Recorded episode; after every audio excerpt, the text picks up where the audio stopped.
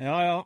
Nye som gamle grusnisser, velkommen til Rallnord podkast. Det er jo også podden som starter der hvor asfalten slutter, og her vi snakker på lav oktan om de tingene vi liker så godt. Adventure, offroad, roadbooks, events, utstyr og duppeditter, reiseskildringer og personlige historier fra nær og fjern. Mitt navn det er Dennis Travolta, og alt som er levert til deg, enten du hører på podkast eller ser på YouTube, er takket være patrons. Nå kjører vi. Ok, ok, ok. Uh, velkommen tilbake til Rallnord podkast. Det er eh, podden som uh, i dag egentlig bare starter med en uh, fredagspils. Og Nei, fredag. Det er lørdag. Jeg har jobba i dag, så jeg trodde det var fredag. Jeg pleier ikke å jobbe lørdager. Jeg starter med en lørdagspils. Og dette her, det er en episode av eh, noe helt annet enn det vi er vant til. Eh, for en gangs skyld så har jeg ingen eh, visuell person i studio. Det er bare meg. Men jeg er ikke helt aleine. Fordi um, vi må bare innse det, at vi begynner å komme inn i en ny tidsalder, en epoke i, i verdenshistorien, altså historien av menneskehetens historie, for å si det på den måten. Jeg husker veldig godt Jeg er av den generasjonen, jeg er født i 1975, så jeg er av den generasjonen som begynte å få barn som skulle ha mobiltelefon. Altså, jeg er såpass gammel at når kompisene mine sånn i 14-årsalderen hadde Amiga 500, Commodore 64, da var de helt rå. Og da hadde de floppy-disker, 3,5 tommers floppy-disker, de hadde kassetter. Altså, det var liksom Det var, det var stort. Uh, og jeg hadde ikke det. Uh, og jeg syntes det var gøy å prøve å spille litt uh, av og til, men jeg falt helt av. Det var ikke, det var ikke en greie for meg. Jeg var uh, ute, utemenneske. Men så får man egne barn, sånn i midten av 20-åra, for min del, og da oppstår det et eller annet som er helt nytt Altså, vi kan gå tilbake i tid, så kan vi snakke om den industrielle revolusjon og bla, bla, bla. Jeg kan ikke, jeg er ikke noen sånn uh, historikertype, men det er klart at det, når vi fikk maskiner og, og skal vi si, kullkraft og dampmaskiner, vi fikk storindustri, masseproduksjon, uh, Ford begynte med samlebåndsproduksjon av uh, biler osv., osv. Enorme greier. Men det var altså da skapt av voksne mennesker for å brukes av voksne mennesker, og til dels barn. Det vi opplever er i en dataalder hvor mobiltelefonen, en bitte liten dings, har nå blitt en datamaskin, og kan ha med den i lomma. Så vet vi hvordan dette her har utvikla seg, vi som har uh, fått dette her litt fra starten, ikke sant. GPS-teknologier, allting har bare blitt pakka inn i en mobiltelefon. Og det verktøyet det har vi med overalt. Vi kan betale med det, vi kan bruke banktjenester, diverse apper.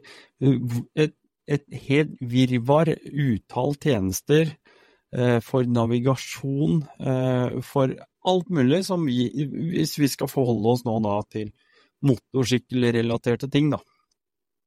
Nå må jeg bare svelge unna litt før jeg prater videre her. Det, det som er Jeg visste ikke hvordan jeg skulle håndtere det når barna mine begynte å forlange mobiltelefoner og alt mulig annet. De satt og spilte på padder og tablets og alt de greiene der. Spillverdenen var jo et, et, et, liksom et lysår unna det jeg vokste opp med. Jeg var plutselig en forelder fra steinalderen som ikke visste hvordan jeg skulle håndtere at mine barn trådde inn i en verden som jeg ikke kjente til. Altså, avstanden mellom meg og mine barn har aldri vært større i menneskets historie noen gang. Fordi jeg visste ikke. Og jeg var livredd, som så mange andre foreldre, over hvordan dette her skulle påvirke mine barn, og hvordan jeg skulle miste kontroll med hva de driver med, hva de følger med på. Altså, det toget er kjørt. Altså, vi kan bare glemme det. Men det å bli gammel, sånn som en middelaldrende kar, 49 år, som meg, det innebærer at uh, i det daglige, som jeg fungerer helt uh, oppegående normalt, selvfølgelig, i arbeidssituasjoner, daglige situasjoner og alt mulig, så må jeg forholde meg til det, og jeg må lære meg å leve med det. Og da holder det egentlig ikke å bare på en måte Uh, nei, nei, dette her, dette her, går ikke, vi må slutte, og vi må For at dette pretser seg fram. Uansett hvor eh, bittersteile og tverre og vrange vi prøver å være, så kommer denne greiene her bare til å rase fra oss. Og vi er Jeg, kan snakke for meg selv. Jeg er bare nødt til å hive meg på se hva jeg kan fange opp, se hvordan jeg kan bruke det. Er det noe jeg kan gjøre til min fordel med det, så eh, ja, vel, eh, la meg prøve, da, i hvert fall. Eh, om jeg ikke klarer å bruke det, så prøve å forstå hva jeg kan gjøre, hvordan jeg kan bruke det, eller ja, whatever. Saken er jo det at eh, for å gå noen steg tilbake, jeg har hatt to-tre episoder med elektriske motorsykler. Og så kan man jo like eller ikke like det, og jeg har ikke tatt noe Jeg har, rett og slett ikke tatt uh, og gjort noe offentlig standpunkt i forhold til hva jeg mener om det. Uh, hva jeg syns om det, eller jeg men, hva jeg mener at vi skal gjøre generelt med det. Jeg, det. Det bryr egentlig ikke meg, fordi det som skjer, det skjer. Og sånn er det bare. Men at uh, elektrisitet har kommet for å bli, i hvilken grad vet ikke jeg, men at det kommer til å være masse elektriske motorsykler, det er det ingen tvil om. Så hvorfor skal jeg ikke være nysgjerrig, hvorfor skal jeg ikke prøve meg frem, hvorfor skal jeg være tvang, vanskelig og vrien og alt det der, bare fordi at jeg har en gåstein personlig oppfatning? Det er én sak. Men så slo det meg her. Jeg har skjønt én ting, og det er at uh, Det tirra meg litt. Nordisk språkråd de kommer da med en årlig liste over nye ord, eller uttrykk og eh, som, som, blir implementert da i det norske språket, ikke sant. Og vi kan like det eller ikke, men vi har noe som vi først begynte å kalle for AI, Artificial Intelligence, men Norsk språkråd de har valgt at det her det skal få et norsk navn, for vi er jo influert av fremmedord fra før av. Nok av fremmedord. Og akronymer, eller hva, hva, hva, er det det heter? Nei, nå, nå, ikke akronym. Bare glem det. Forkortelser, da. Eh, så vi har da fått KI, som står for kunstig intelligens. Kunstig intelligens sies at kan hjelpe oss med så meget. Og der tror jeg at uh, for meg og mange andre vanlige mennesker, så har ikke vi skjønt rekkevidden av hva de greiene her skal brukes til seinere, og hvor de kommer til å ende. Hvem skal sette ned grensene? Hvor skal stolen skapet stå? Altså, hva skal ungene mine få lov til å ha tilgang til? Bla, bla, bla, bla, bla. Evig diskusjon blir aldri klok på. Period. Men og her kommer men. Jeg har bare innsett én ting, og det er at KI er kommet for å bli. KI er implementert i skolen, i hverdagen. Den er implementert i programmer, i, i tekster, i til og med jeg kan sitte og se reklamer på TV hvor jeg ser at det her er en reklame og med et menneske og en mimikk som er skapt av kunstig intelligens. For det er ikke bra nok enda, så jeg ser at dette her er en fake greie. Og så sitter jeg og hører på Debatten for en stund siden, og da var det blant annet om KI. Og da var det en av disse her, jeg eh, husker ikke, statsråden eller hva det var for noe, som sa at ja, han brukte KI aktivt. Han brukte KI aktivt fordi Eh, når han skulle forberede seg til å gå inn, som for eksempel i den debatten i det studioet der han var der og da, så gikk han inn og brukte KI for å finne ut mest mulig om det han skulle diskutere, og det temaet de skulle ha og presentere i det programmet. Hva er dette for noe? Tenkte jeg, i den bitte lille telefonen her, i den pakka her, så er nå KI presentert i apper. Diverse apper som dere kan bare laste ned. Så jeg tenkte dette må jeg prøve. Og noen ganger jeg, jeg visste ikke helt hvordan jeg skal bruke det. Sånn er det jo med alt som er nytt. Så tenkte jeg jeg må bare prøve å bruke dette her, da.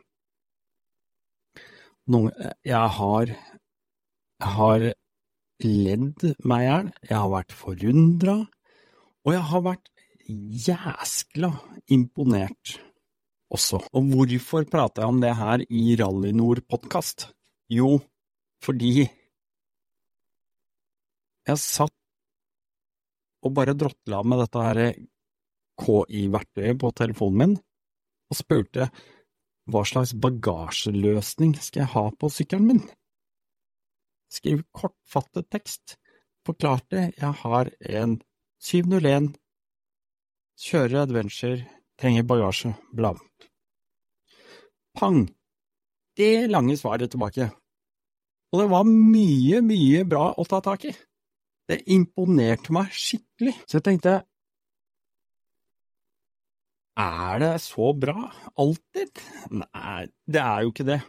Noen ganger så får du svar som er helt på viota. Helt på viota, helt tullete.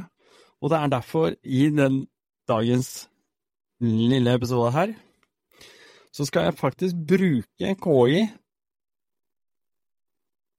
til å diskutere med mens dere lytter på. Greia er at jeg har gått inn på OTC på eh, Facebook, på gruppa, så jeg bare puncha inn random spørsmål.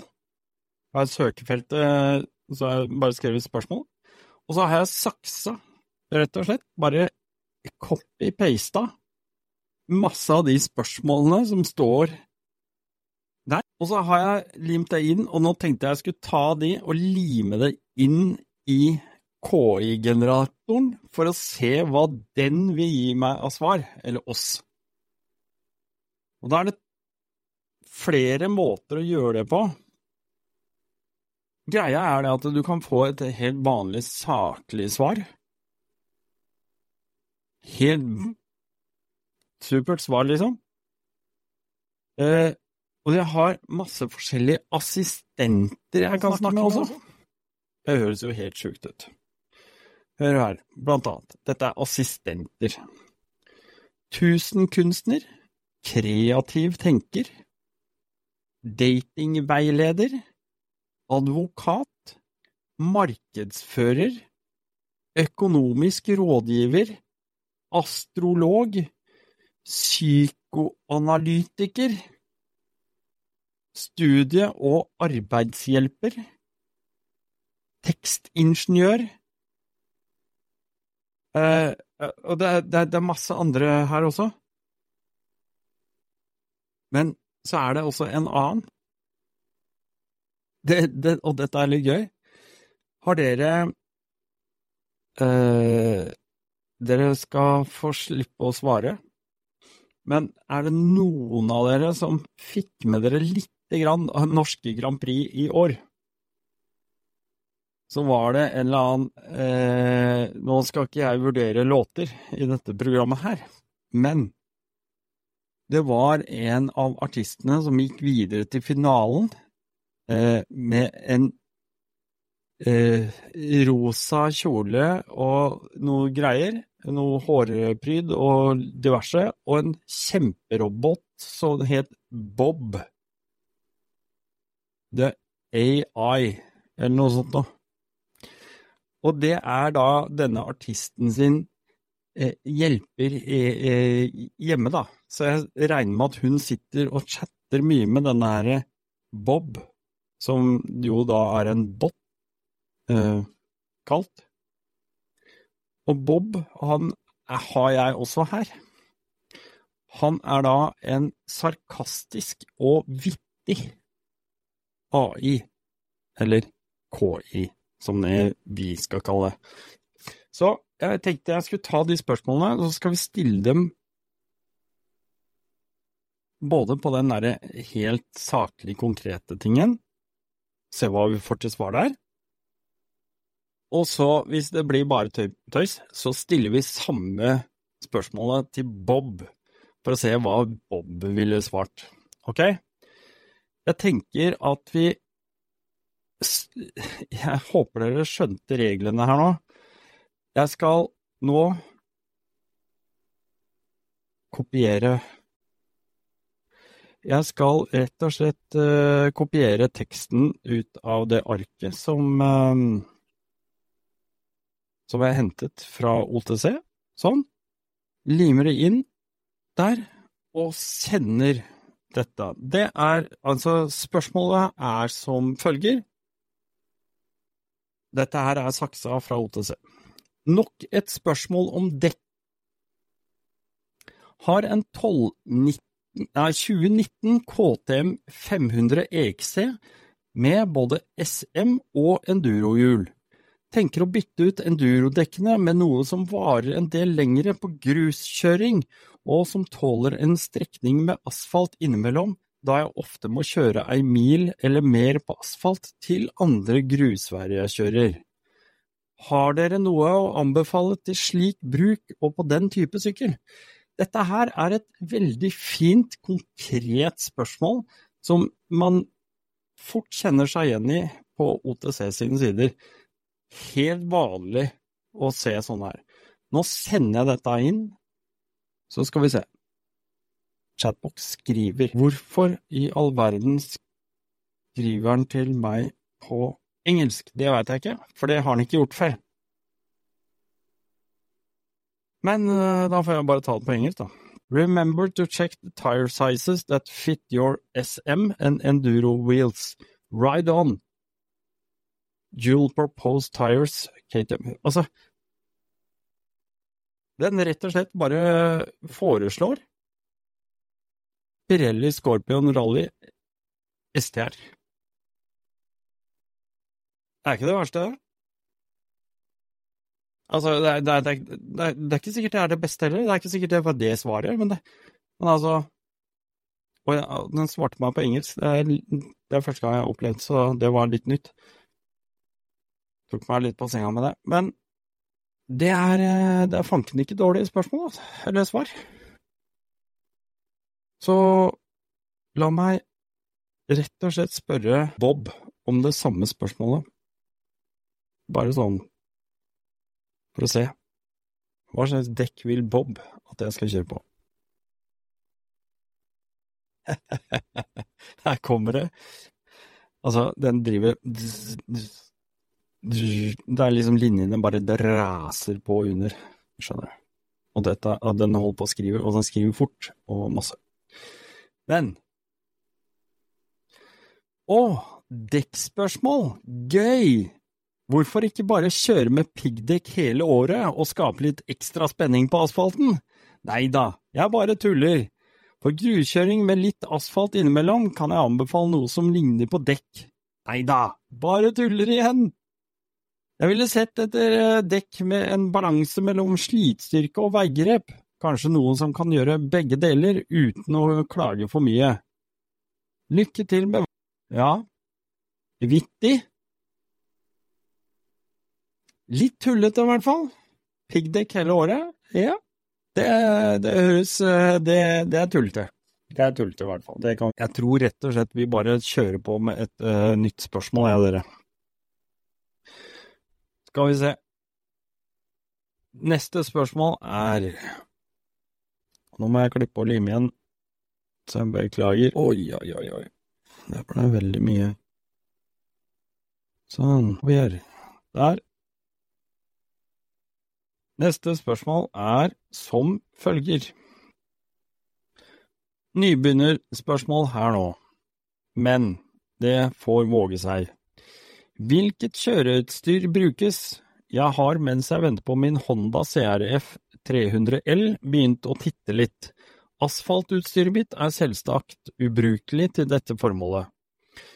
Jeg ser rådene er mange, og jeg ser på alt fra adventure-dresser til enduroklær og ulike løsninger med brynje, knebeskyttere og hele pakka. Bruket blir rolig kjøring på grusvei i første omgang. Takker for gode tips fra erfarne grusentusiaster.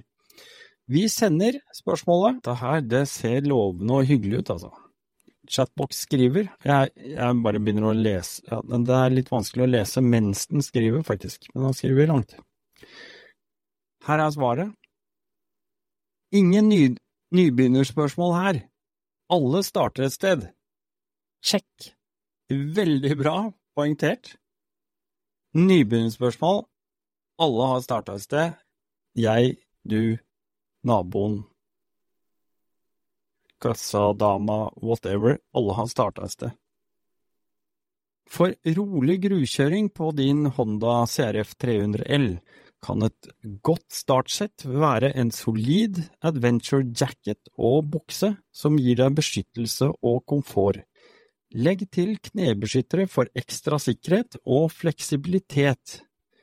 Husk hjelm, hansker og støvler til å fullføre utstyret ditt.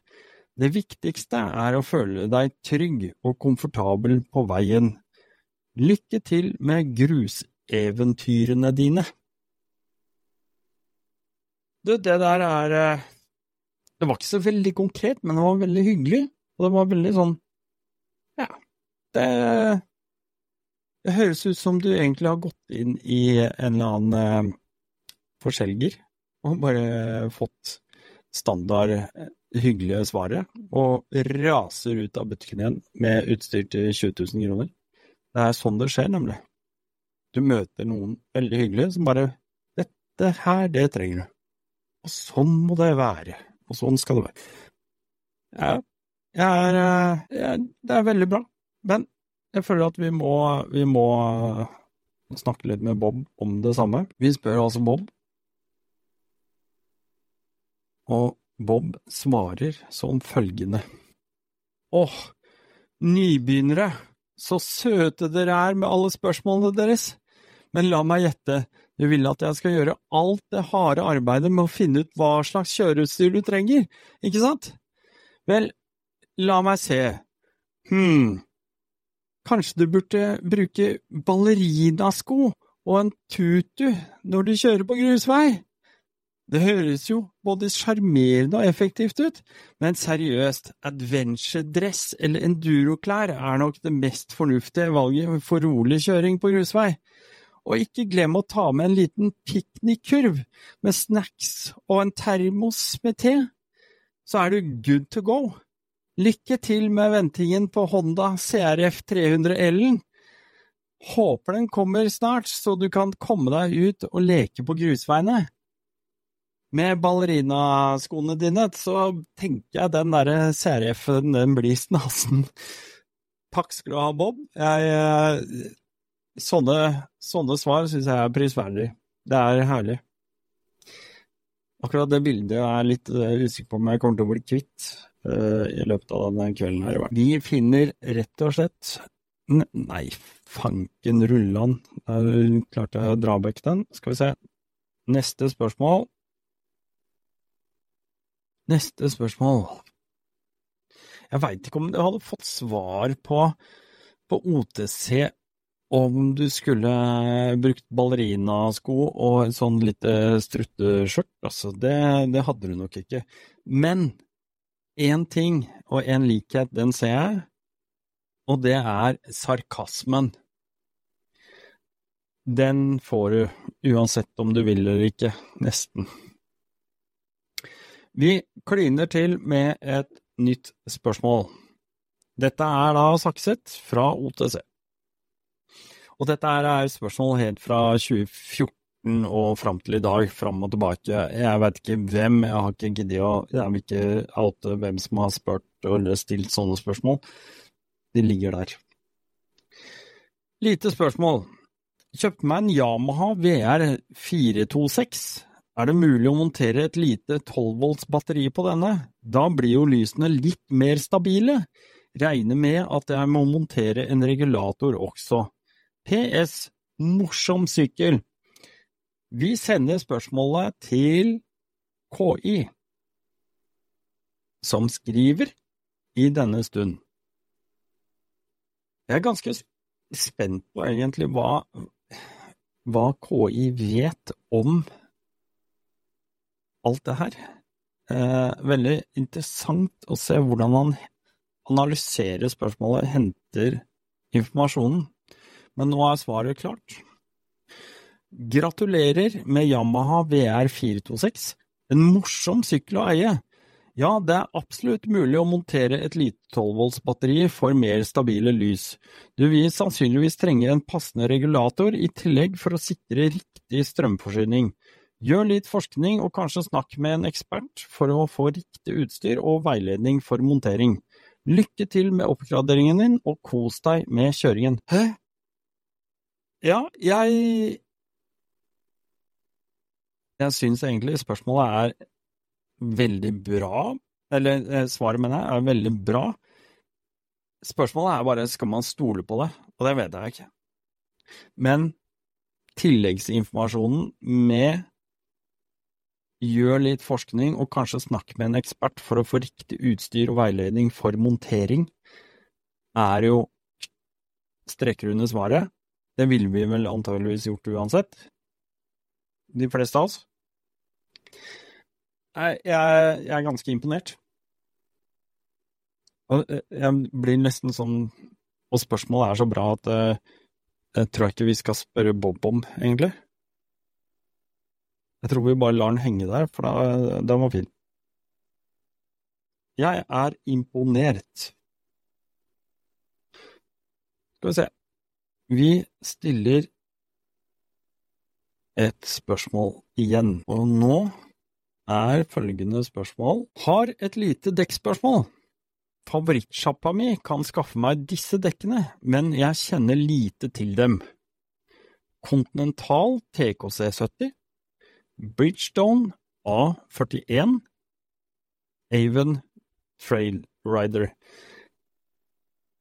Konkret spørsmål.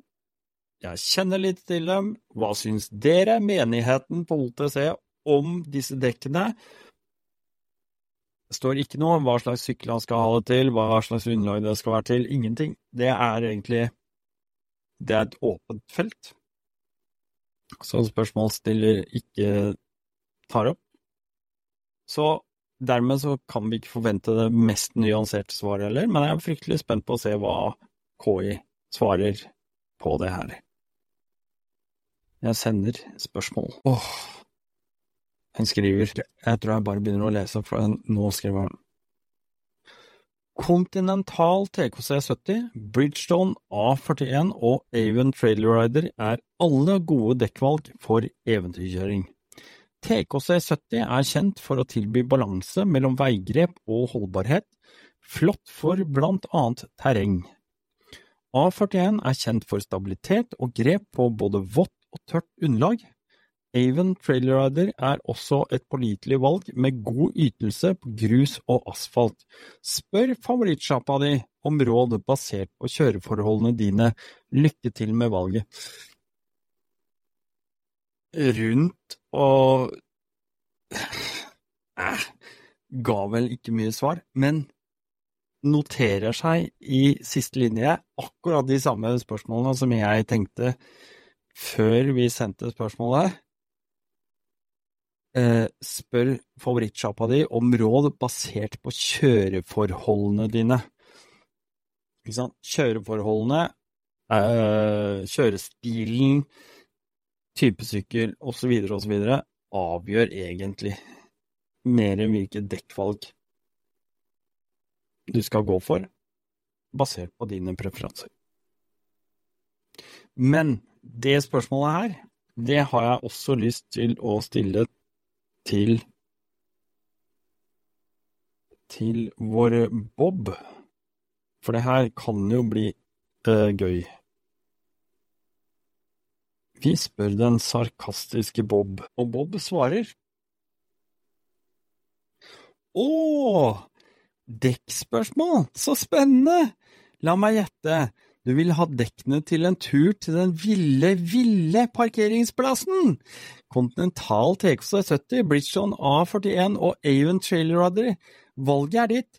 Bare husk at dekkene er som skoene dine, de må passe perfekt for en stilig tur. Lykke til med dekkjakten. Her er jeg helt enig. Lykke til med en tur til parkeringsplassen.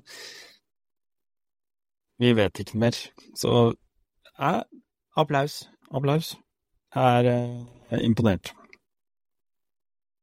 Veldig tullete, men uh, imponerende tullete.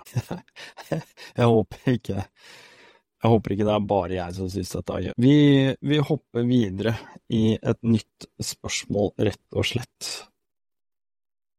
Der står det altså følgende Jeg er litt eh, jeg, jeg lurer litt på å bytte ut T7 til fordel for en 690 ER.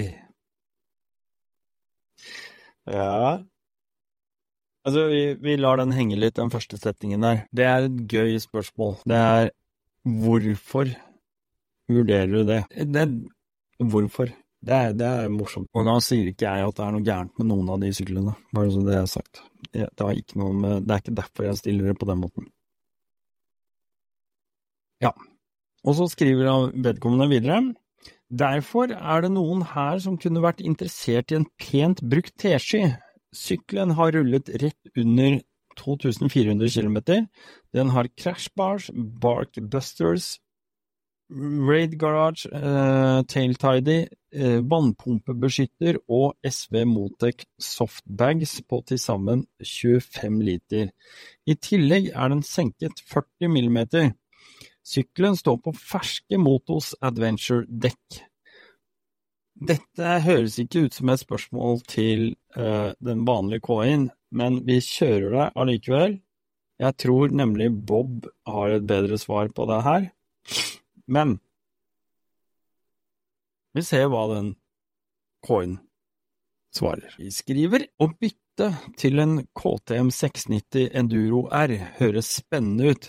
Hvis du vurderer å selge din pent brukte Yamaha Tenere 700 med alt tilbehør inkludert, kan det være lurt å annonsere i lokale motorsykkelgrupper eller markedsplasser for å finne potensielle interessenter. Beskrivelsen din høres fristende ut, med lav kilometerstand og gode tilleggsutstyr.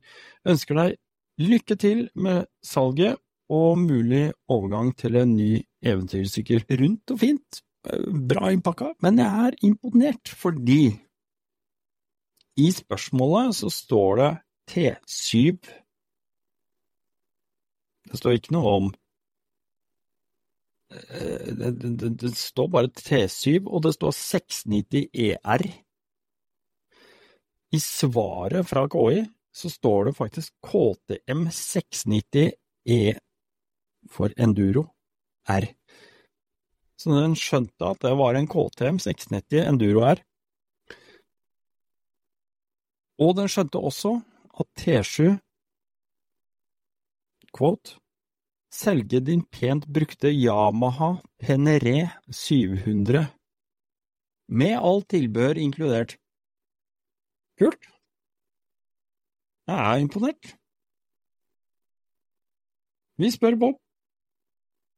Bob, hva vil du si? Sarkastiske Bob. Sarkastiske og vittige Bob var det vel egentlig det het. Den begynner egentlig veldig likt. Det er akkurat som at her er dette er bygd opp. Ikke sant? Det er, det er, det er en struktur i, og gjennomgående struktur i svaret som er sånn Å, så spennende!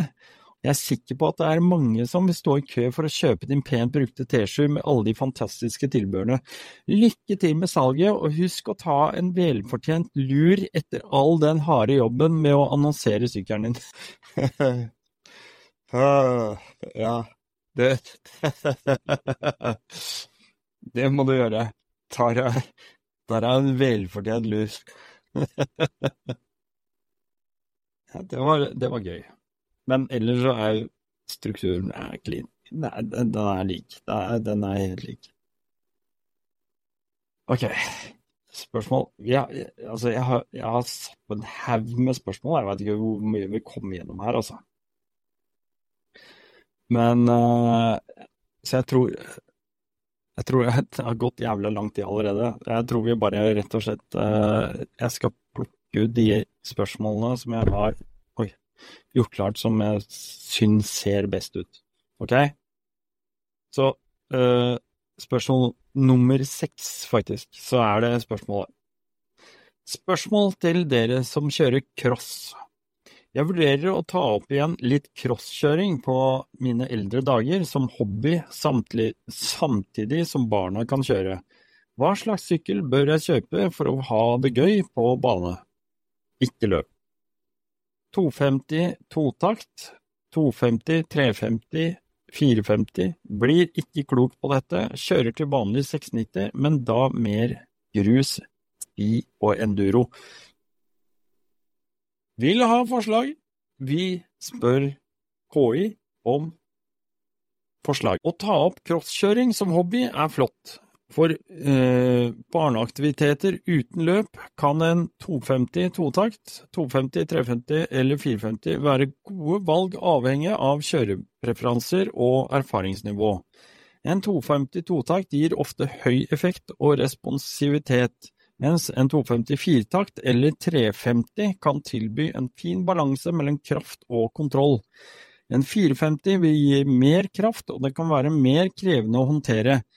Det beste er å prøve ulike modeller for å se hva som passer best for deg og dine barn. Ha det gøy på banen. Blow away.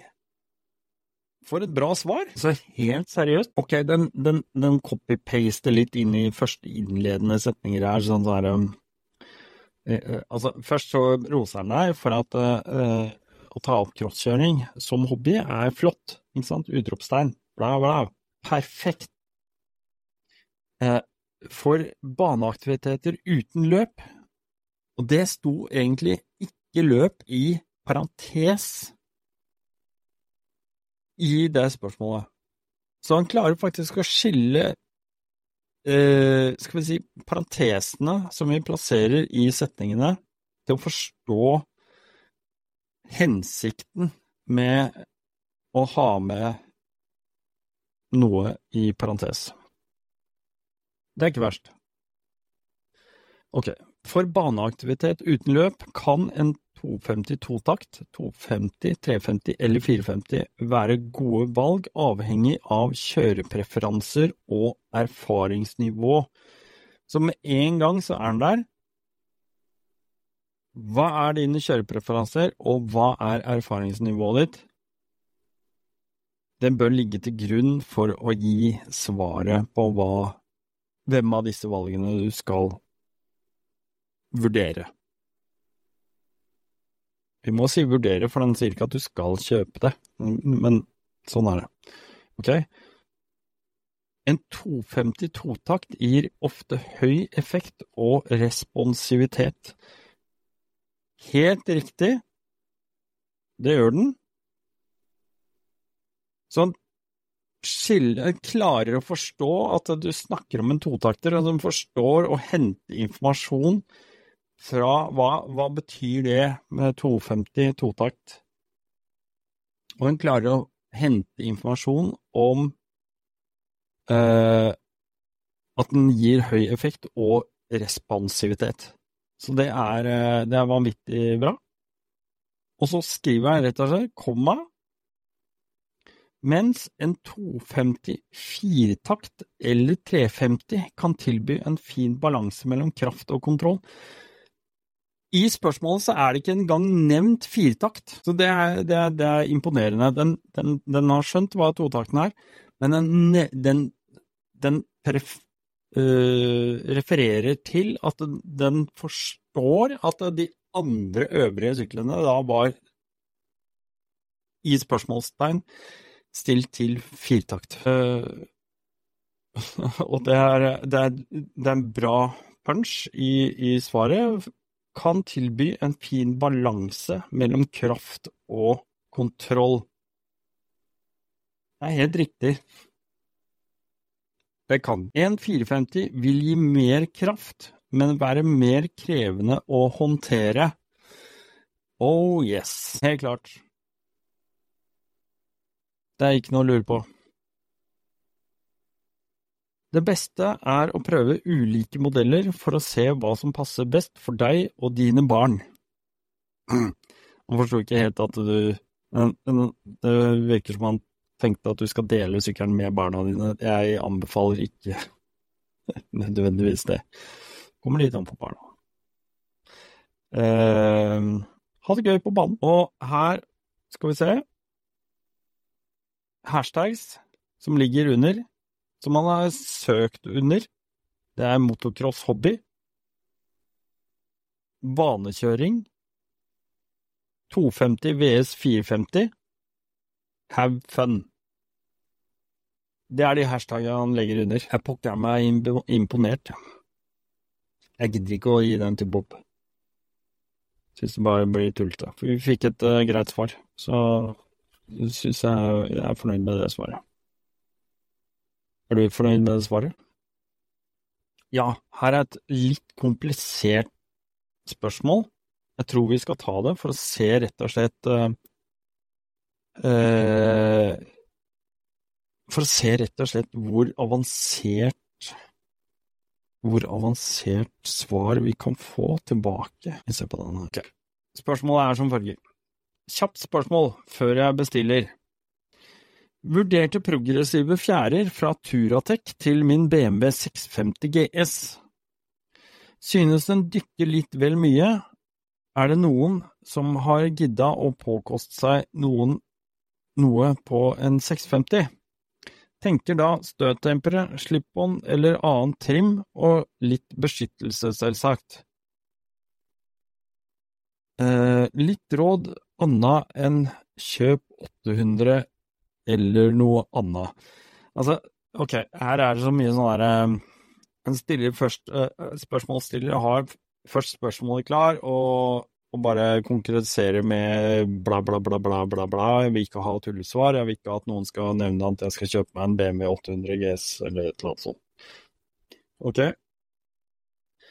Uh, jeg, skal, jeg skal slette litt grann av det svaret her. Eller uh, marker, skal vi se.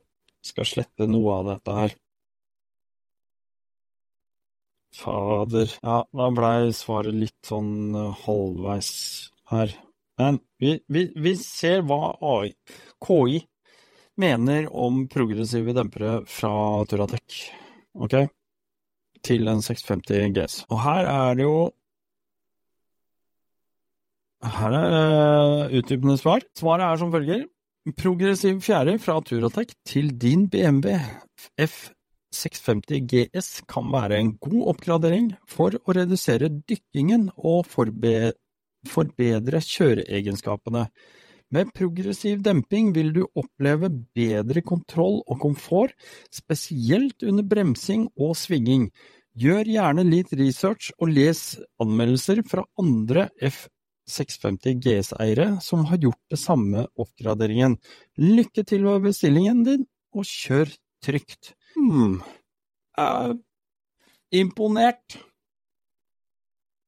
Nei, altså, imponert, imponert. Kunstig intelligens forteller to viktige ting man oppnår, eller bør uh, etterstrebe å oppnå ved å bytte fjører i gaffelbeina. Med progressiv demping vil du oppleve bedre kontroll og komfort, spesielt under bremsing og svinging. Helt riktig. Helt korrekt. Sikkert henta fra Turatex sine sider og kataloger eller et eller annet. Helt sikkert. Men det svaret er jeg veldig usikker på Jeg er veldig usikker på om du hadde treffet rette vedkommende i spørsmålsfeltet, altså i svarfeltet, når du poster det spørsmålet, som kunne gitt deg akkurat det. Selvfølgelig hadde du det, det er over 5000 medlemmer på OTC-siden, men, men altså Det er til ettertanke, da. Det er veldig bra. Det er et godt svar. Jeg lar den henge der, jeg. Syns det var kjempefint. Det er eh, Jeg burde ha hatt en sånn derre check, check på spørsmålene. Sånn derre Eh, om jeg syns svarene var gode eller ikke. Ja, altså, her er mer gode svar, eh, spørsmål, vet du. Ho, ho, ho, ho. Og her fulgte ikke jeg så veldig godt med i norsktimene, så jeg husker ikke hva alle sånne beskriv... Eh, ting heter. Altså men, men, men, altså, her er det, er det morsomt. Skal vi se. Kommer inn spørsmålet og det er som følger. Noen gode tips til kjøreutstyr? Det er jo alltid et spørsmål. Har kjørt med Klim Badlands Pro i seks år, men dressen begynner å bli litt sliten. Hvis dressen din begynner å bli litt sliten etter seks år, da har du faktisk eh, ja, Nå sier du ikke noe om hvor mye du kjører med den dressen. Men, eh, men altså, seks år er vel ikke Det er jo ikke dårlig, og det er ikke, kanskje ikke uvanlig heller. Jeg vet ikke. Brukes hver dag, he, uh, uh, hver dag, hele dagen, hele sesongen. Han er MC-lærer. Ok. I neste setning fikk jeg faktisk svar på det jeg egentlig lurte på i den første setninga. Etter den første setninga. Så det er bra. Han kjører hver dag, hele dagen, hele året. Han er MC-lærer, så han, han veit at han uh, må ha utstyr som er i orden. Derfor har han valgt å kjøre med Badlands Pro. Ok. Veldig fornøyd med Klim, men prisene der er jo blitt relativt høye. Noen med gode tips til alternativer?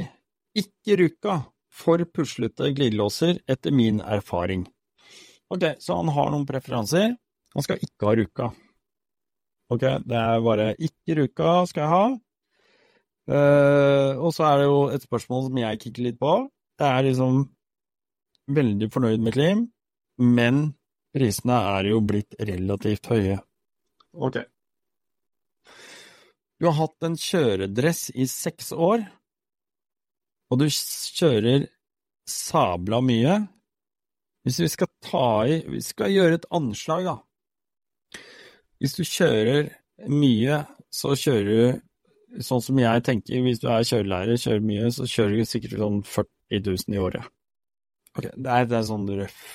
Røff. Vet ikke. Vet ikke om det stemmer. Jeg bare tar det ut fra, og jeg vet ikke hvorfra. 40 000 i året ganger seks, ja, det er ganske mye.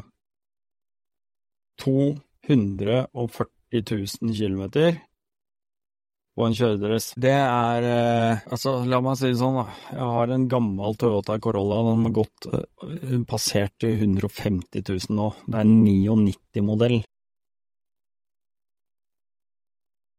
Altså, den, den, den, er jo snart brukt opp. Den, ikke, den har ikke noen verdi lenger, men han har jo gjort jobben sin.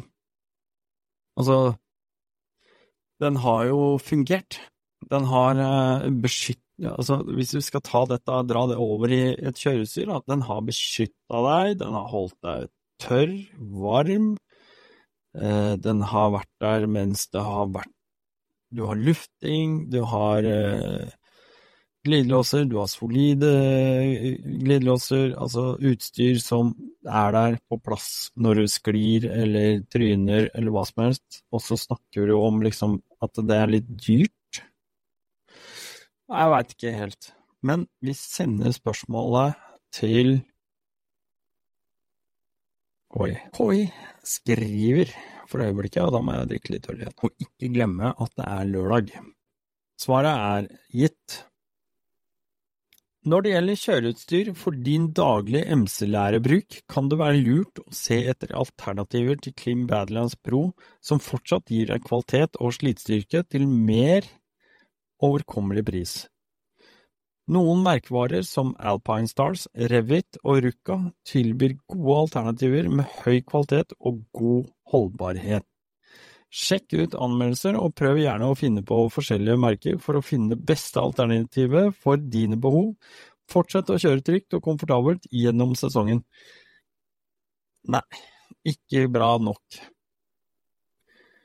Og her nevnte jo han at han ikke ville ha Ruka, men KI mente at Ruka var et kjempebra alternativ.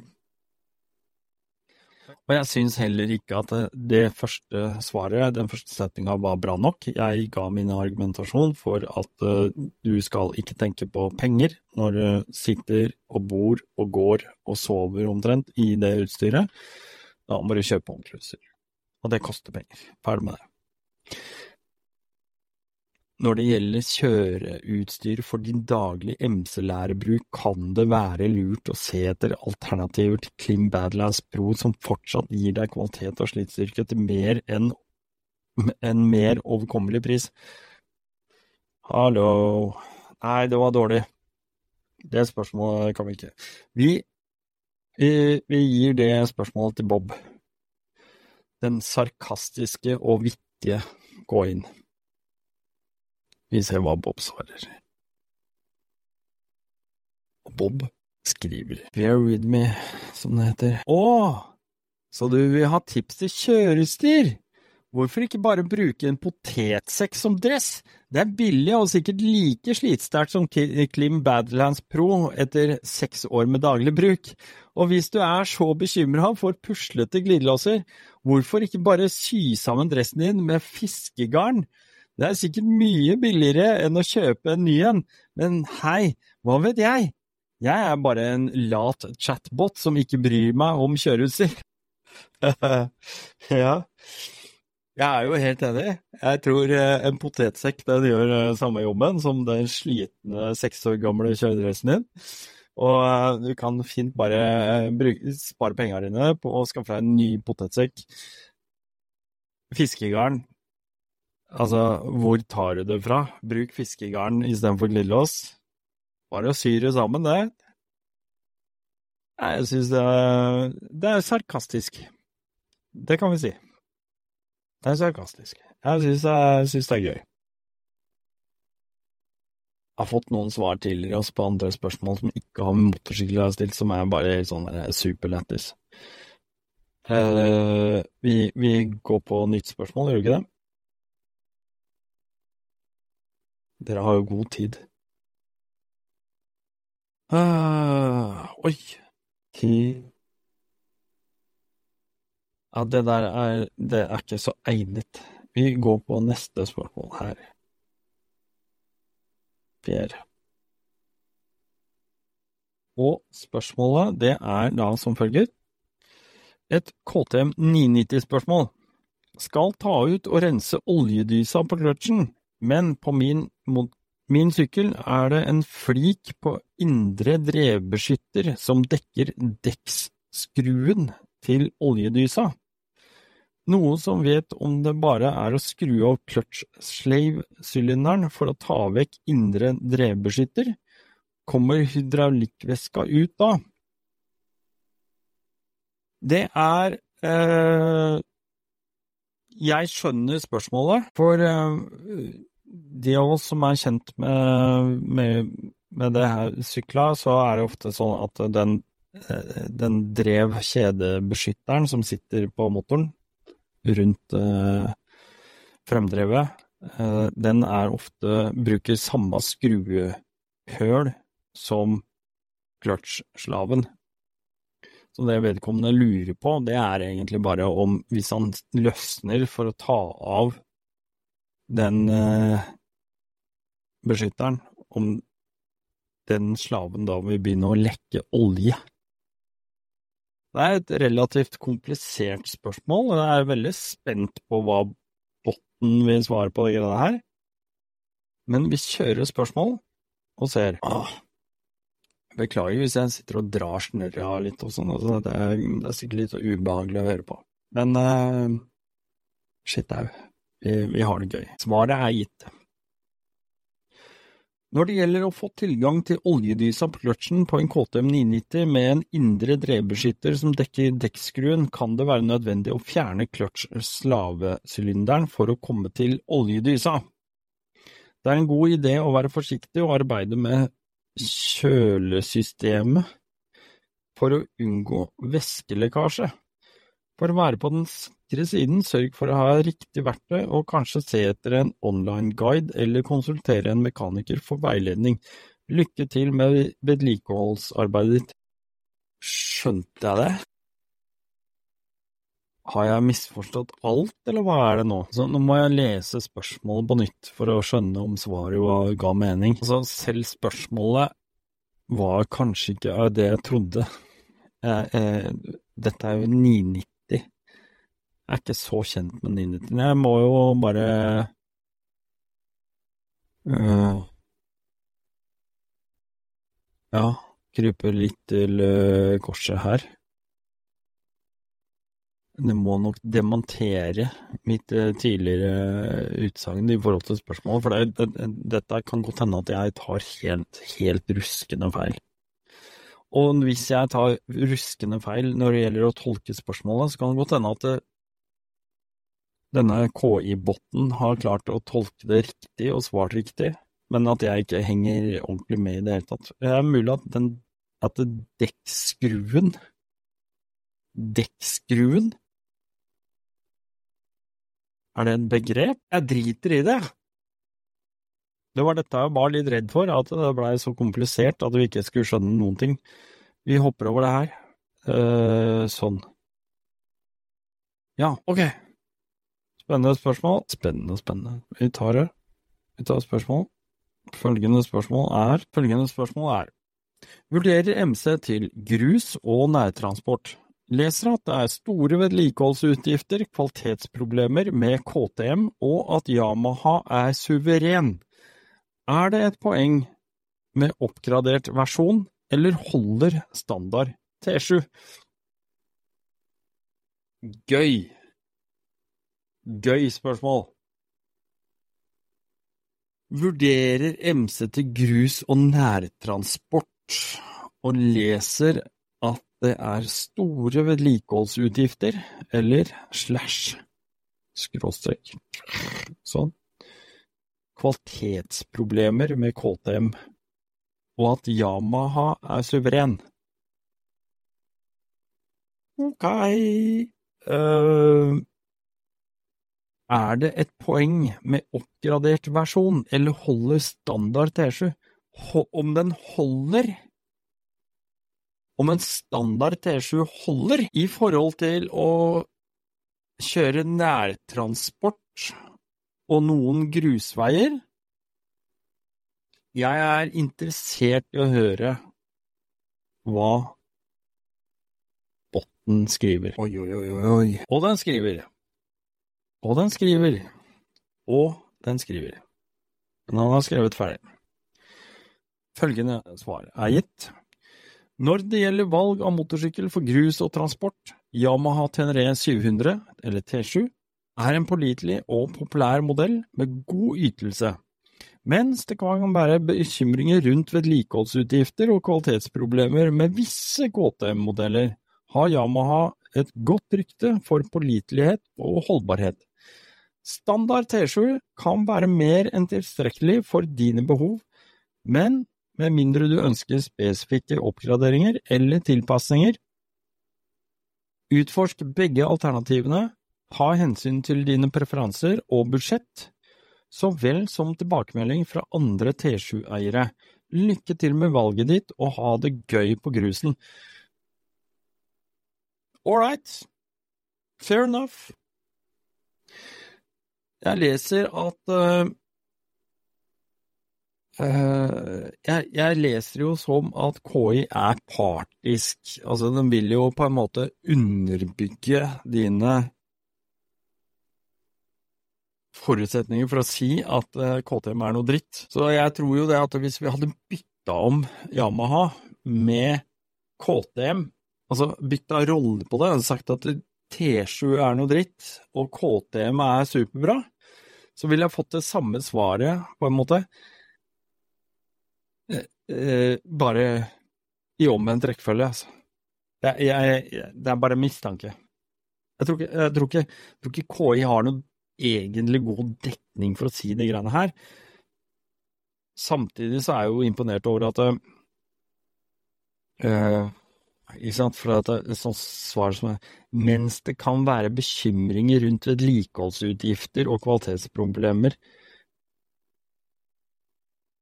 Og så kommer det store bokstaver som jeg vil Eller bokstavene jeg vil utheve, som den skriver i den samme setningen, da med visse KT-modeller.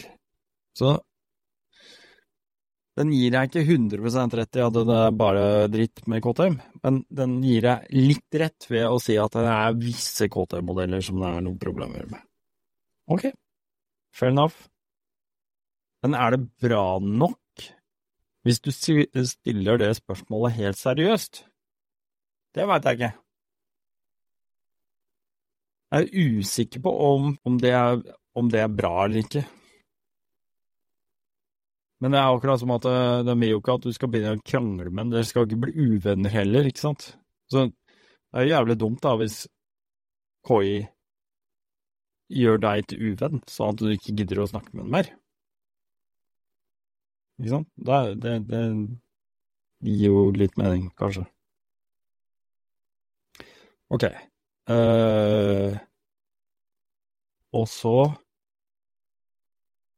ja, Yama har et godt rykte for pålitelighet og holdbarhet. Standard T7 kan være mer enn tilstrekkelig for dine behov, med mindre du ønsker spesifikke oppgraderinger eller tilpasninger.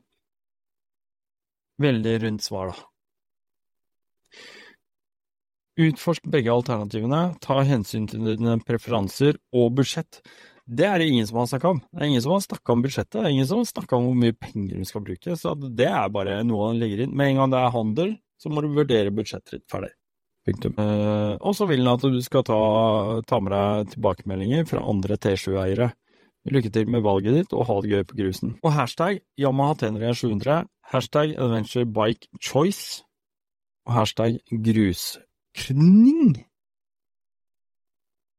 KRN N-I-N-G. Ja. Ok. Det var, det var et spesielt uh, hashtagsfelt. Jeg vet ikke hvor mange svar du får på akkurat det, men uh, det er sikkert to. Har ikke før jeg går tom for øl her. Krise uh, vet du hva? Da gjør vi det, i og med at jeg holdt på å gå tom for øl.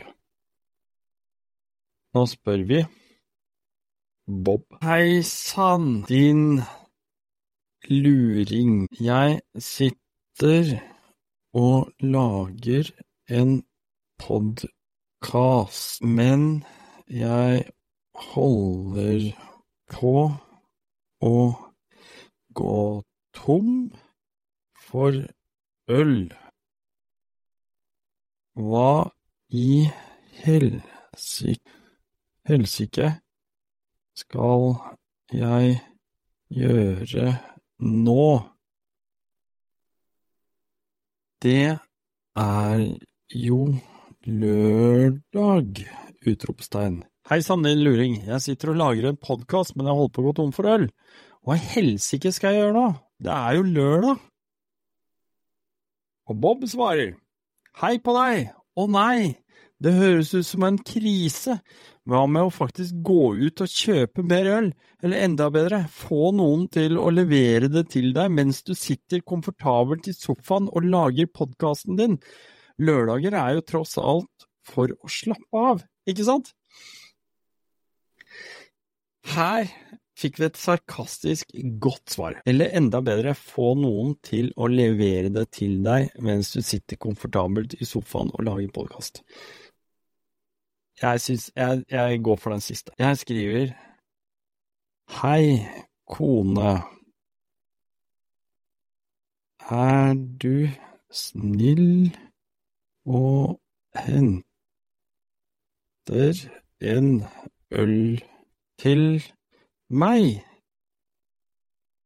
Jeg ble tipset av KI om at det går an. Milefjes, peace, ja, et eller annet. Så ser vi. Kanskje jeg får en øl. Håper hun leser meldinga, da. Det er en forutsetning. Det er en stor forutsetning. Um, ok, vi tar uh, et spørsmål til. Jeg, altså, jeg har mange spørsmål, vet du. Det er godt jeg ikke tok så mange som jeg hadde planer om. Ja! Den her. Dette er et dustespørsmål. Jeg føler at vi må stille den til Bob. Sånn, se her. Spørsmålet er følgende. Skal kjøre Ålesund, Lillehammer, Oslo og tilbake i helgen. Lurer på om det er noe vits å kjøre motorsykkel. Syns det er litt kjedelig å kjøre MC bare på motorvei. Er det noen fine grusveier mellom her og der som er åpent enda, eller er det fortsatt for tidlig?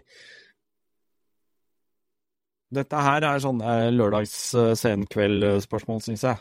Vi sender spørsmålet og venter på svar. Det begynner å bli krise, så får jeg tom for øl. Nå er for øl.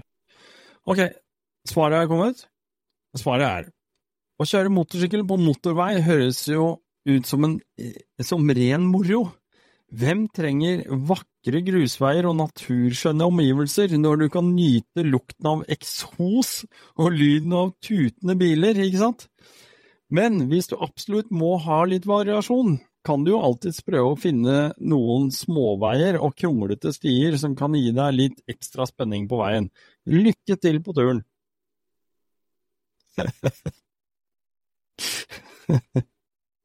Uh, nyte lukten av eksos og lyden av tutende biler, det høres helt perfekt ut. Helt perfekt. Jeg, jeg tror ikke kona fikk den meldinga. Altså. Du, vi, uh, dere, vi må videre. Vi må finne uh, nytt spørsmål. Ja, denne her er bra! Dette her er OTC-ånd-spørsmålet. Denne her er fin, vet du. Skal vi se. Her. Limin, tror vi skal, jeg tror vi skal stille det spørsmålet her først. Dette skal vi ta to.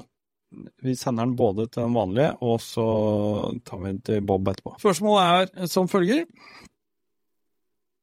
Jeg fikk akkurat en mail nå med fakturaen for leiligheten jeg har bestilt til Bukkerittet. Denne forfaller 7. juli, altså en måned før Bukkerittet. Synes det er litt pussig og uvant at jeg skal betale før jeg møter opp, pleier man ikke å betale ved innsjekk eller avreise. Kjipt hvis de sender ut fakturaer grunnet dårlig likviditet, og så er de konk når august kommer. Altså, det her er jo eh, Vi er midt oppi det nå. Vi er i akkurat eh, per dags dato i, i den tidsepoken. Vi er i andre Jeg tror det var ja, Det er noen dager siden, slutten av februar, tror jeg, hvor påmeldingen til uh, årets bokritt, altså 24, ble lagt ut. Og, og, dette kan vi jo relatere til, det var akkurat sendt, og så har han fått en faktura allerede nå. Forfall i juli, men skal ikke være der før i august, og syns jo det er litt spesielt. Så vi spør, hva syns AI om uh, denne frekkasen av uh, en faktura som kommer. Og her er jeg spent på det seriøse svaret, da. Det er litt viktig. Ok. Betalingsrutinene kan variere fra sted til sted, og det er forståelig at det kan virke uvanlig å motta en faktura så lang tid i forveien. Det kan være lurt å sjekke vilkårene i leiekontrakten eller snakke direkte med utleieren for å avklare betalingsdatoene. Hvis du er bekymret for selskapets økonomi økonomiske situasjon kan det være lurt uh, å gjøre litt undersøkelser om virksomheten før du foretar betalingen. Det er alltid viktig å være oppmerksom på slike detaljer for å unngå potensielle problemer. Jeez, det er bra svar, da. Det er bra svar. Uh, ja, Hva, hva, hva, kan man si til det, da? Det det er et fornuftig svar. Uh, betalingsrutinene kan jo variere, det er helt klart at de kan det. og Derfor kan det virke uvanlig å få, få denne fakturaen så lang tid i forveien. Det kan være lurt å sjekke vilkårene i leiekontrakten eller snakke direkte med utleieren for å avklare betalingsdatoen. Det kan være eh, akkurat det. Eh, altså vilkår. Hvem er det som har snakka om vilkår? Det er jo ingen som har nevnt vilkår. Det er jo, det er jo KI som kommer med vilkår. Det er kjempefint. Og hvis du er bekymret for selskapets økonomiske situasjon, kan det være lurt å gjøre litt undersøkelser om virksomheten før du foretar betalingen. Altså proff.no, for eksempel. er fantastisk svar. Uh, jeg gidder ikke å tøyse med det svaret engang, for det, det syns jeg ikke var noe tøys til. Vet du hva, jeg får ikke noe svar. Jeg må, jeg må, jeg må løpe og, og hente øl. AI dreide seg ut, altså. Faen heller. Ikke noen som kan hjelpe. Fy fader, ass. Drikke med telefonen nei. Ja, ja, ja, ja, ja. Skal vi se nå. Nei, du, det, det svaret der, det syns jeg var, det var helt glimrende. Det er ingen oppe på bukkerittet rundt det, de båla ute på kvelden her som kunne svart bedre. Åh, oh, shit. Her er et jæskla langt spørsmål. Det, uh, jeg tror vi, vi tar uh, Vi tar et par spørsmål til her. Vi tar et sinnssykt langt spørsmål, og det, det spørsmålet må jeg lese før jeg limer inn. Spørsmålet er er på jakt etter en allsidig hjelm, har store problemer med at solskjermen vibrerer på min Turatec Aventuro. Endte opp med å bygge om en rallyskjerm fra KTM for å få beste mellomtingen mellom vindbeskyttelse og plass til å bevege seg. Ingen ettermarkedsskjermer, inkludert KTM sin originale høye, hjelper på vibrasjonen. Rallyskjermen er så langt den aller beste, problemet oppstår når jeg sitter. Jeg er 1,92 med lang rygg, og kjører i hastigheter over 60.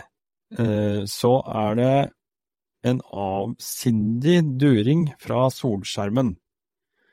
Om jeg holder denne fast, så blir det stille. Bøyer meg ned eller står oppreist på, blir det stille.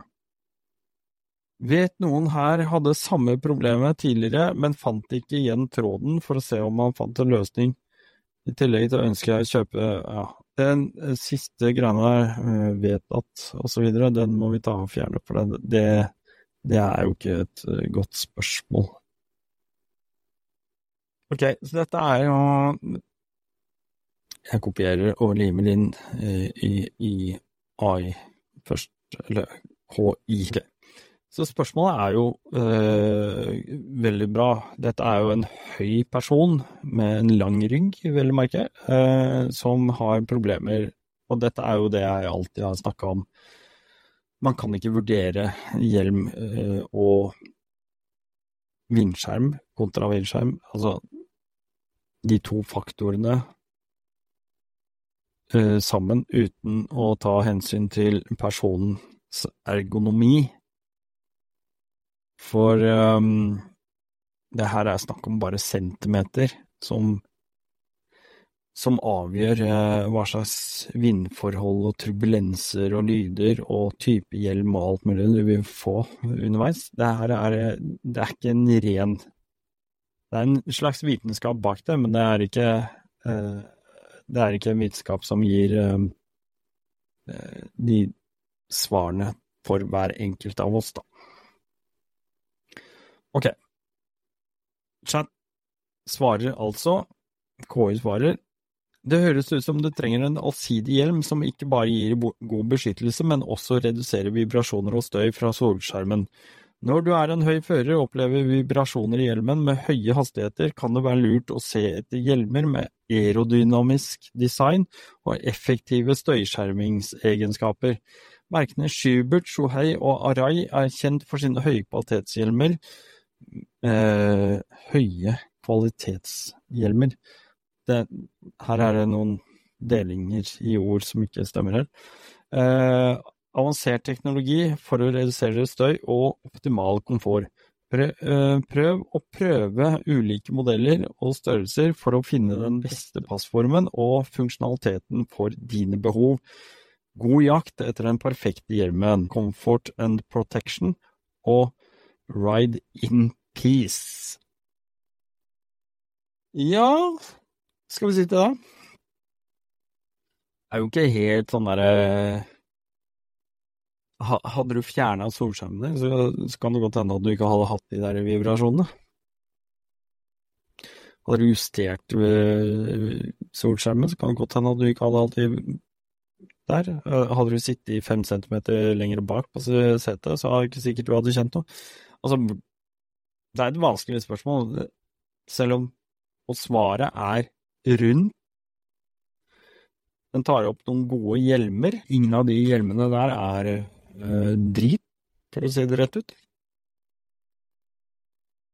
Um, det som er uvanlig da, når det gjelder hjelm Dette er jo helt uvanlig. Vi kan, når vi går og kjøper hjelm, eh, så skal ikke jeg formane om du skal kjøpe en dyr, ikke dyr hjelm eller hva, for det, det vet vi svaret på. Og det er opp til hver enkelt bruker å avgjøre sjøl. Men for å avgjøre det spørsmålet om du vil ha mye støy eller ikke, så finnes det bare én måte å finne det ut på, og det er faktisk å prøve den hjelmen mens du kjører sykkelen din. Ferdig. Det er ikke noe mer. Da har du to problemer, egentlig. Eller skal vi si et problem og et følgeproblem. Og det ene er at som regel så vil helst ikke forselger låner deg en hjelm så du kan prøve den ute på tur. Og følgeproblemet er at hvis de gjør det, så må du nesten rive av eventuelt den derre klistrelappen som sitter på visiret også, sånn at du ser det litt.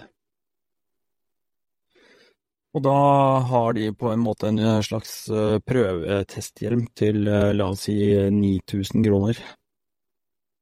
Og det er jeg ikke så sikker på om enhver eh, sjappe har lyst til å ha.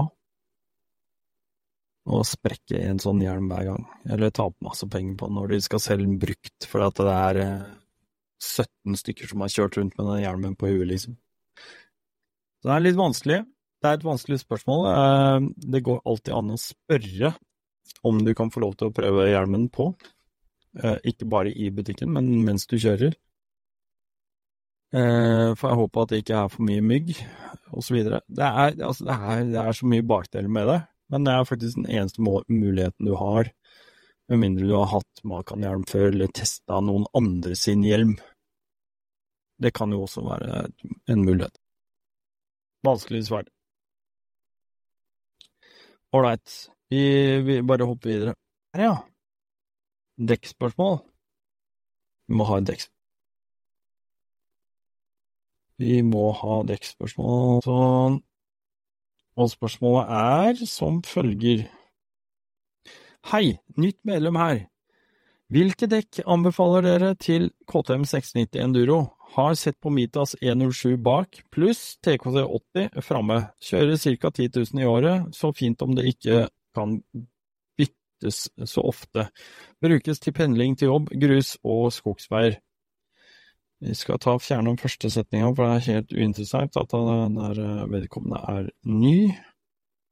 Nei, faderullan. Ok, da må vi ta begynne med alt på nytt. Og mens vi venter på at det skal slette ord etter ord etter ord, så kan vi jo faktisk Ja, nå er jeg ferdig. Der. I min. Der. Vi fjerner. Vi sender. Og så til deg. Skål. Det er sikkert midt i uka, og du er på jobb, kanskje, så kanskje ikke så spennende å skåle med meg nå. Oi, her får vi et langt svar, dere. Kult. Uh, vi går gjennom spørsmålet først. Altså, hvilke dekk anbefaler dere til KTM 690 Enduro har sett på Mitas 107 bak, pluss TKC 80 framme? Jeg er litt us... Jeg, jeg vet ikke hvor, hvorfor det, Hvorfor har du sett på 107 bak og TKC 80 framme? Hvor har du fått den fra? Altså, det her er jo Og det, det i seg sjøl, at du spør om det, det, det, kan være mange grunner til at du har fått med deg det, for at det er, du har en eller annen Noen som har kjørt med deg, og som syns det er kjempefint. Det står jo ikke noe begrunnelse for at du har sett litt på det, egentlig. Så Og så kjører du 10 000 i året. Ja. Da spør jeg enda mer, da. Hvorfor ser du på TX80 på en måte? 107 bak. Eh, det holder sikkert i 10 000 i året, det, altså hvis du kjører til fra jobb. Det gjør det nok. Men 86 Vi får se hva KI svarer på det her, i hvert fall. For din KTM 690 Enduro, som brukes både til pendling, til jobb og grus- og skogsveier, kan dekkvalget ha stor innvirkning på ytelse og holdbarhet. Mitas 107 bak og TKC 80 foran kan være en god kombinasjon for å oppnå balanse mellom veigrep og terrengytelse. Mitas 107 er kjent for sin lange levetid på asfalt, mens TKC 80 gir god trekkraft på variert terreng. Andre populære alternativer for allsidig kjøring, inkludert Metzler Caro 3, eh, Continental TKC 70 og Michelin Anective Wild. Utforsk ulike dekkmodeller og les brukeranmeldelser for å finne det beste dekket som passer for dine kjørestiler og behov. God tur! Altså, hva skal jeg si? Her skjønner faktisk KI at 107 har lang levetid på asfalt. Det er, det er ikke gærent. At den ikke i begrepsforstand forstår at du snakker om et framdekk, og da sier at TKC 80 kan øh, kan gi Hva er det så for noe? TKC 80 gir god trekkkraft på variert terreng. Det får du ikke med et fordekk. Der, der har du sjelden trekk. Du har sjelden forhjulstrekk på sykkel. Ok, så Men den tar opp andre populære dekk. Metzler Caro 3 og Michelin, Michelin Anarchy Wild. Utforsk ulike dekkmodeller og les brukeranmeldelser for å finne det beste dekket som passer for din kjøring. Veldig greit, det. Ikke uenig. Ikke uenig, men uh, veldig fjaste. Ga egentlig ikke noe særlig konkrete svar. Ålreit, vi, vi, tar, uh, vi tar den her. For det her er jo et spørsmål som følger Hei, finnes det noen oversikt over gapahuker i Norge? De er jo nesten overalt, og man slipper å ta med seg telt på tur. Jeg kjører moped, men ofte er det litt inne i skogbrynet, og det gjør jo ingenting, og vanskelig å få øye på når man kjører.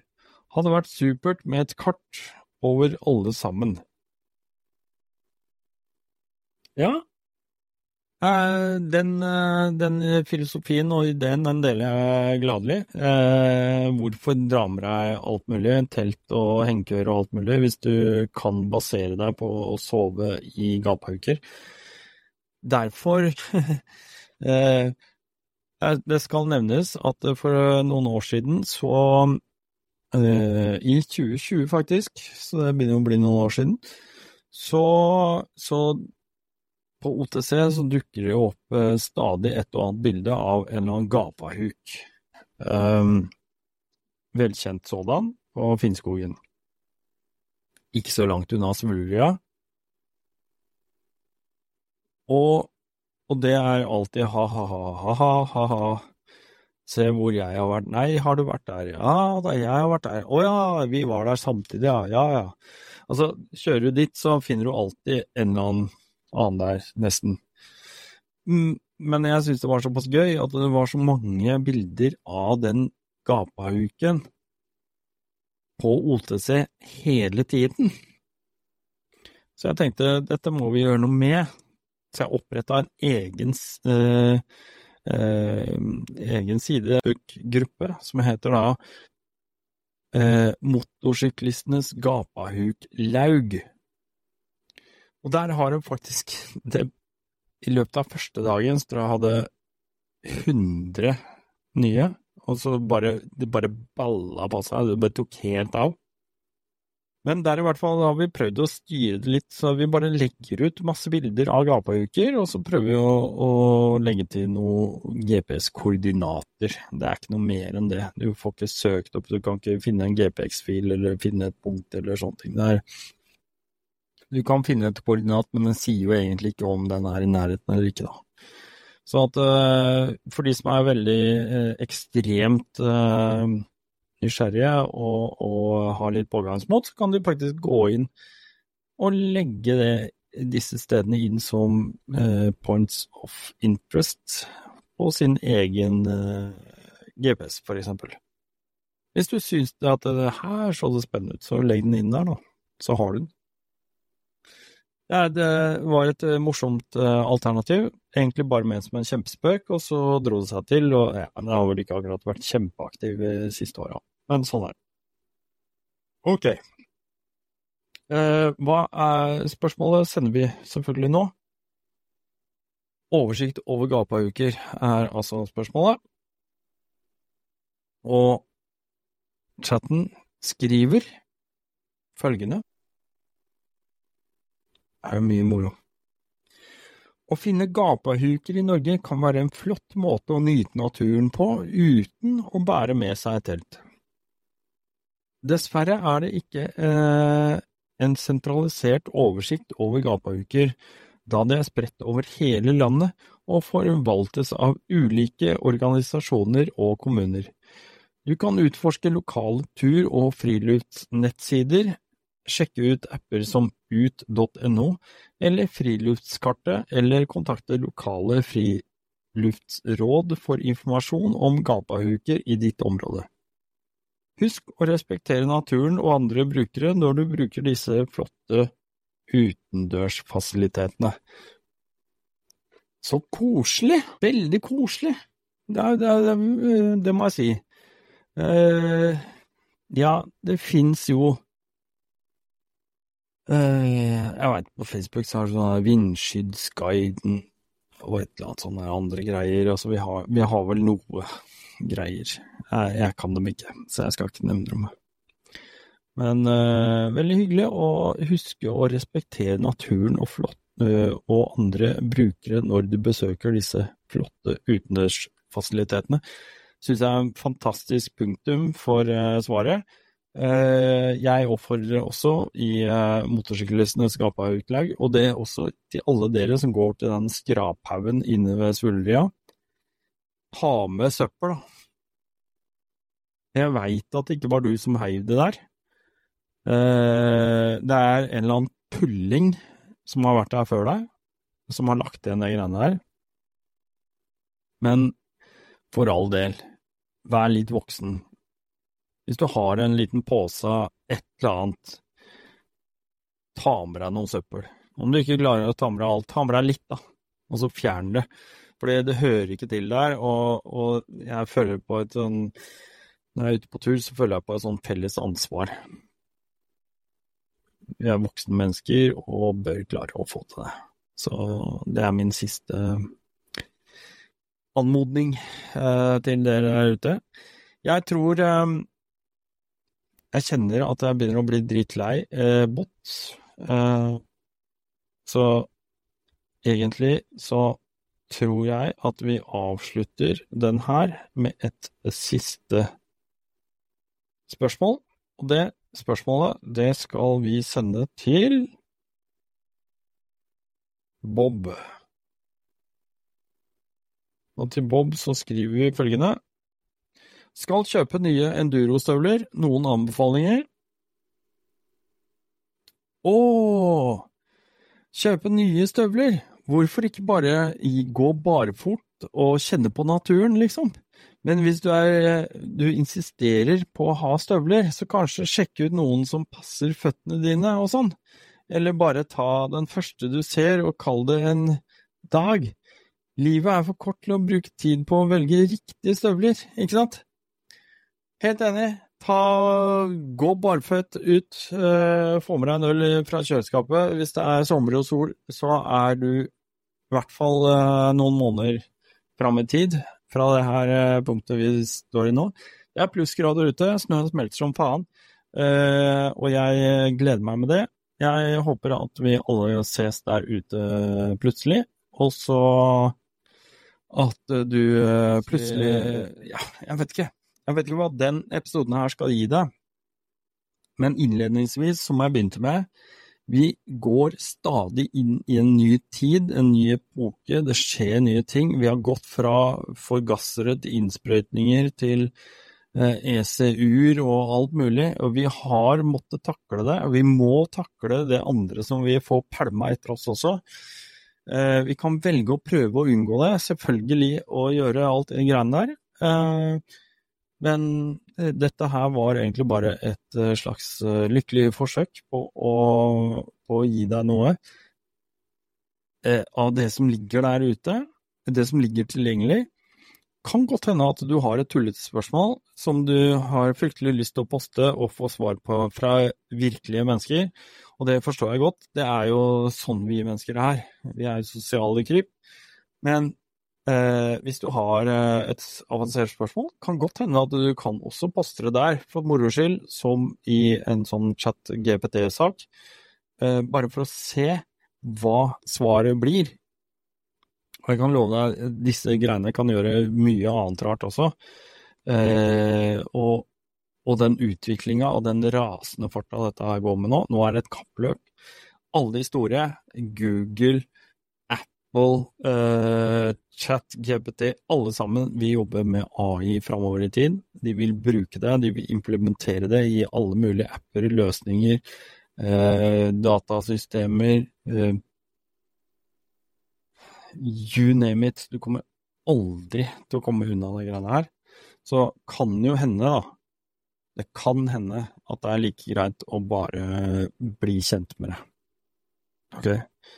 Nå har jeg Dennis Travolta, snakket på inn- og utpust i 1 time og 45 minutter. Jeg tror at det er mer enn nok fra min side. Uh, ok, uansett hva du gjorde, jeg håper du Jeg, jeg veit ikke om du syns dette var jævla gøy eller ikke. Men uh, vi prøvde å holde det litt grann motorsykkelrelatert, i hvert fall. Og så høres vi bare i neste episode, og shalabais. Og så håper jeg alle disse tomler opp og liker og deler og sprer glade budskap og sånn. Dette ligger jo på YouTube også, så kan du se meg live eh, der. Ok, hei hei. Om du liker det smale eh, temaet som du får levert, så husk at du kan støtte podkasten ved å gå ned i episodebeskrivelsen under her. Da kan du klikke deg inn på Patrion-linken. Patrons er faktisk den eneste kilden til inntekter som kan drifte de nødvendige plattformene, og er derfor ekstremt viktig for å kunne fortsette å levere godt innhold til deg. Du kan velge å bidra uh, med to til fire liter bensin i måneden, og få de siste episodene først uten reklame og uten bullshit. Og om du vil finne ut mer om Rallynor, kan du også gå inn på www.rallynor.no. og Der finner du også link til alle de offentlige utgivelsene så langt, og du har et tresifra antall med timer å lytte til. Ikke glem like og subscribe, og legg gjerne igjen en kommentar i feltet under. Spre det glade budskap. Og så ses eller høres vi i en annen episode. Og med det her så takker jeg for denne gangen, og jeg sier rett og slett bare én ting. Shalabais.